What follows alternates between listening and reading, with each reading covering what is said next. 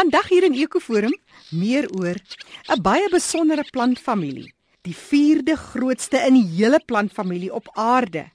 Het jy geweet dat die orgidee is die grootste en daarna die sonneblomfamilie en dan is dit die peulplante en dan die 9700 grasspesies.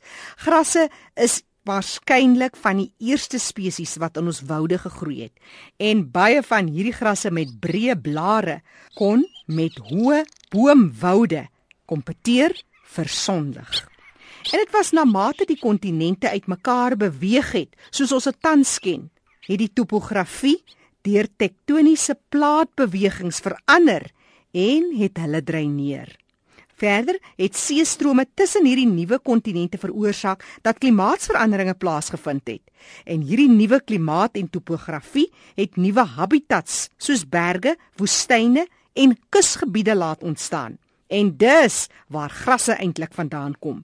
Die grasfamilie het besonder goed hierby aangepas en ons vind tans grasse in alle habitattipes waar plante groei moontlik is die belangrikste plantfamilie op aarde.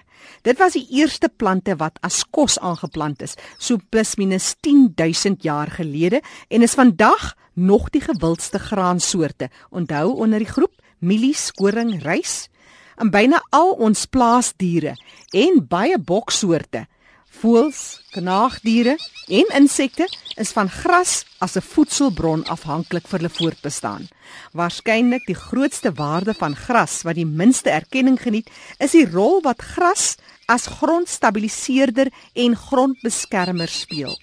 Gras se unieke groeivorm beskerm ons grond teen die aanslag van reën en wind wat erosie weer tot gevolg het. Fritz van Oudtshoorn is die skrywer van die boek Gids tot grasse van Suider-Afrika. Ek gesels met hom oor inligting, interessanthede van gras, maar Fritz, wat my net altyd fascineer, is die lekker name in Afrikaans in die volksmond. Steekgras, rietgras, alles eintlik seker baie beskrywend van hoe die mens dit ervaar. Maar steur jy jou hoe genaamd aan hierdie volksname as jy wetenskaplikes nou kyk na grasse en so meer die name die werking daarvan samestelling? Die meeste mense uh gebruik maar die volksname. Daar is vir sekere grasse soos 'n gras soos kweekgras byvoorbeeld, mm. het meer as 40 volksname in Suid-Afrika. Uh wat streeksgebonde name is. Ons verkies gewoonlik maar om die wetenskaplike naam want dit is 'n standaard naam uh te gebruik. Maar dan moet 'n mens natuurlik ook respekteer dat uh die boere en die grondgebruikers dis vir hulle moeilik om hierdie hierdie latynse name te onthou, jy weet. Hulle werk maar op die volksname. En dan het ons natuurlik al ons tale in Suid-Afrika. So ek het in die 2012 uitgawe wat ek redelik baie moeite gedoen om van ons inheemse tale se grasname ook by te voeg. Nou ek het in die verre noordelike deel van die Limpopo provinsie naby 'n baie klein dorpie met die naam Vivo uh, groot geword. My pa het geboer, my pa is eintlik 'n afgetrede professor, aptekers uh wese professor. En toe hy gaan boer en omdat hy 'n wetenskaplike is, wou hy baie graag, jy weet, omtrent al die plante en diere se name weet en uh, die latynse name ook selfs weet. En ek het nou maar altyd saam met my pa in die bakkie rondgery. So ek was nog op laerskool toe ken ek al 'n hele paar grasse by hulle wetenskaplike name. As ek nou terugdink aan klink dit 'n bietjie snaaks, maar daai tyd daai tyd het ek gedink is normaal, jy weet. En dan later het ek landbou gaan studeer en uh, meer grasse verder geleer. Terwyl ek uh, as 'n landbouvoorligter gewerk het, het hulle my gevra om 'n skyfie reeks van die algemene grasse van die Noordwes provinsie saam te stel. Dit is eintlik baie baie moeilik om 'n ordentlike foto van 'n gras te neem omdat hy so fyn is en as daar net die geringste wind waai dan jy weet verdwyn daai gras hmm. basies in die agtergrond en jy sien niks. Ek sit met die boek in my hand, Gids tot grasse van Suider-Afrika, die derde uitgawe daarvan. Hoe sou jy dit beskryf aan die leek? Wat is 'n gras? Dis ook heel voor in die boek, die heel eerste vraag. Ja, uh, Jackie, dit is waar uh, grasse word met ander plante baie verwar. Jy weet vir al jou bissies en dan in die Kaap het ons mos die die dekriet, die ja. restius. Nou uh gras lyk baie soos hierdie plante. Die maklikste manier waarskynlik om uit te vind of dit 'n ware gras is, want dis verskillende families waarvan ons nou praat, plantfamilies, is dat 'n gras se blaar uh, bestaan uit 'n blaarskede en 'n blaarskyf. So daar's 'n gedeelte van die blaar wat rondom die halm vas is en dan uh, groei dit in die blaarskyf uit. Terwyl by die bissies is daar net die blaar direk van die stam af. Daar is nie 'n blaarskede nie. By ja. die dekriete weer is daar nie eintlik 'n blaar nie want die hele stam is die blaar. Jy sal weer die dekriet het 'n groen stam. Jy weet hy fotosinteer met die stam. So hy het nie eintlik 'n blaar, hy het wel 'n blaarskede, maar hy het nie 'n blaarblad nie. Dit is die maar die grootste verskil tussen die drie plantfamilies. Maak grasse nie blomme nie. Grasse uh, maak wel blomme. Jy weet maar hulle maak nie hierdie pragtige uh kleure blomme nie want uh grasse gebruik nie insekte vir bestuiving nie. So uh, grasse hoef nie insekte te lok nie, hulle gebruik windbestuiving. As ons nou praat van 'n blomplant, dink ons eintlik aan pragtige blomme. So 'n gras is wel 'n deel van die blomplante, maar hy maak nou nie hierdie mooi helder kleurige blomme soos wat ons dink wanneer ons dink aan blomplante nie. Hoe verskil grasse in kategorieë? Uh Jackie, daar's baie verskillende kategorieë uh, as dit by grasse kom. Daar ons het omtrent 1000 spesies grasse in Suid-Afrika. Die grasfamilie, Poaceae is die naam van die familie. Uh het so 1000 spesies, uh, net onder 1000 en dis die derde grootste plantfamilie in Suid-Afrika. Hm. Die grootste plantfamilie in Suid-Afrika is die asters. Dis die Asteraceae familie. Dit sluit die sonneblomme, die daisies en so aan in. Dan die tweede grootste familie is die peulplante weet soos die doringbome, lucerne en daai plante en dan is grasse die die eh, die derde grootste. Nou jy kan uh, die grasse in verskillende groepe indeel.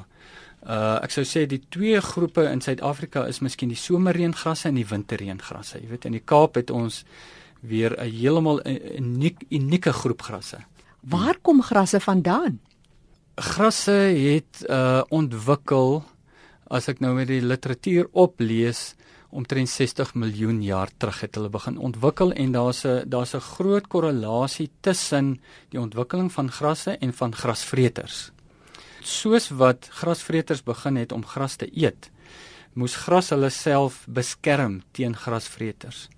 En wat eintlik gebeur het is die groeipunt van grasse is baie naby aan die grond en selfs onder die grond geleë om hulle te beskerm teen diere wat hulle eet of brand natuurlik en dan ook uh grasse het die vermoë om voedingsstowwe in die wortels en in die onderste dele van die grashalms te stoor om sodra dit geëet of gebrand is of met die grasnyer gesny is kan hulle weer uitgroei.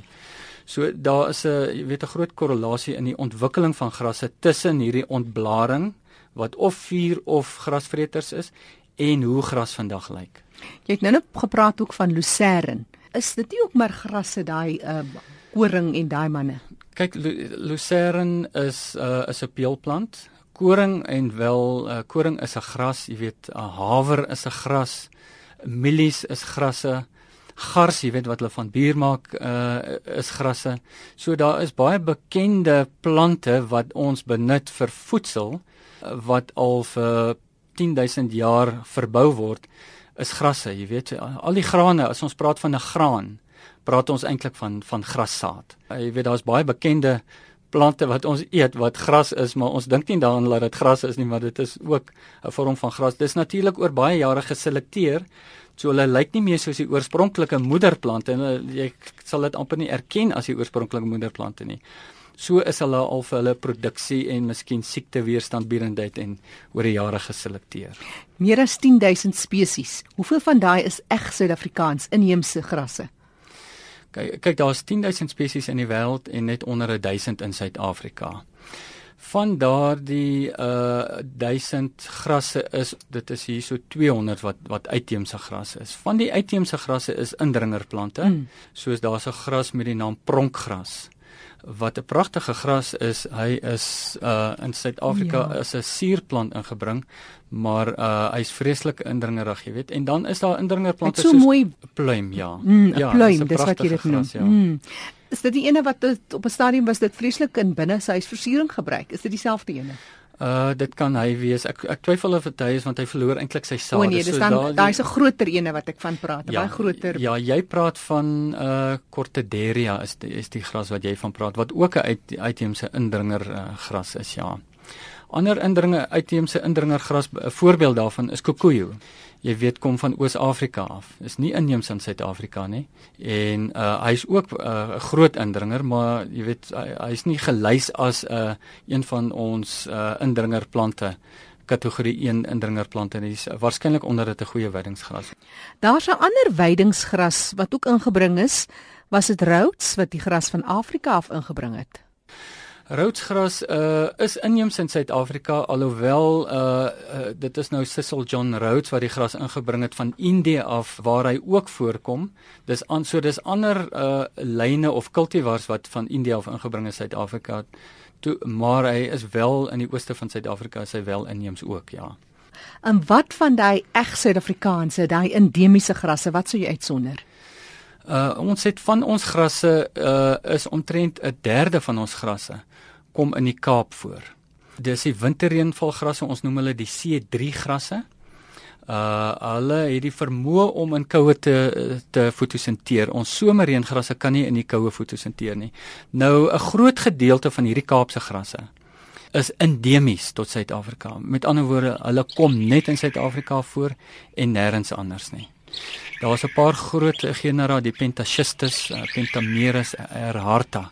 Dis groot genera wat in die Kaap voorkom wat uh, wat jy nie op ander plekke kry nie. Wat is hulle name in die volksmond? Hulle het nie 'n uh, 'n uh, uh, algemene naam nie. Jy weet elkeen het sy eie individuele naam. Van hulle is so skaars dat hulle het nie eers name nie. Gewone name nie, hulle het net wetenskaplike name. Dis Fritz van Oudtshoorn wat gesels oor sy boek Gids tot grasse van Suider-Afrika van die interessanthede van grasse. Wat is 'n gras en watter is van die uitheemse spesies en van hulle kwai indringer spesies ook hier in Suider-Afrika?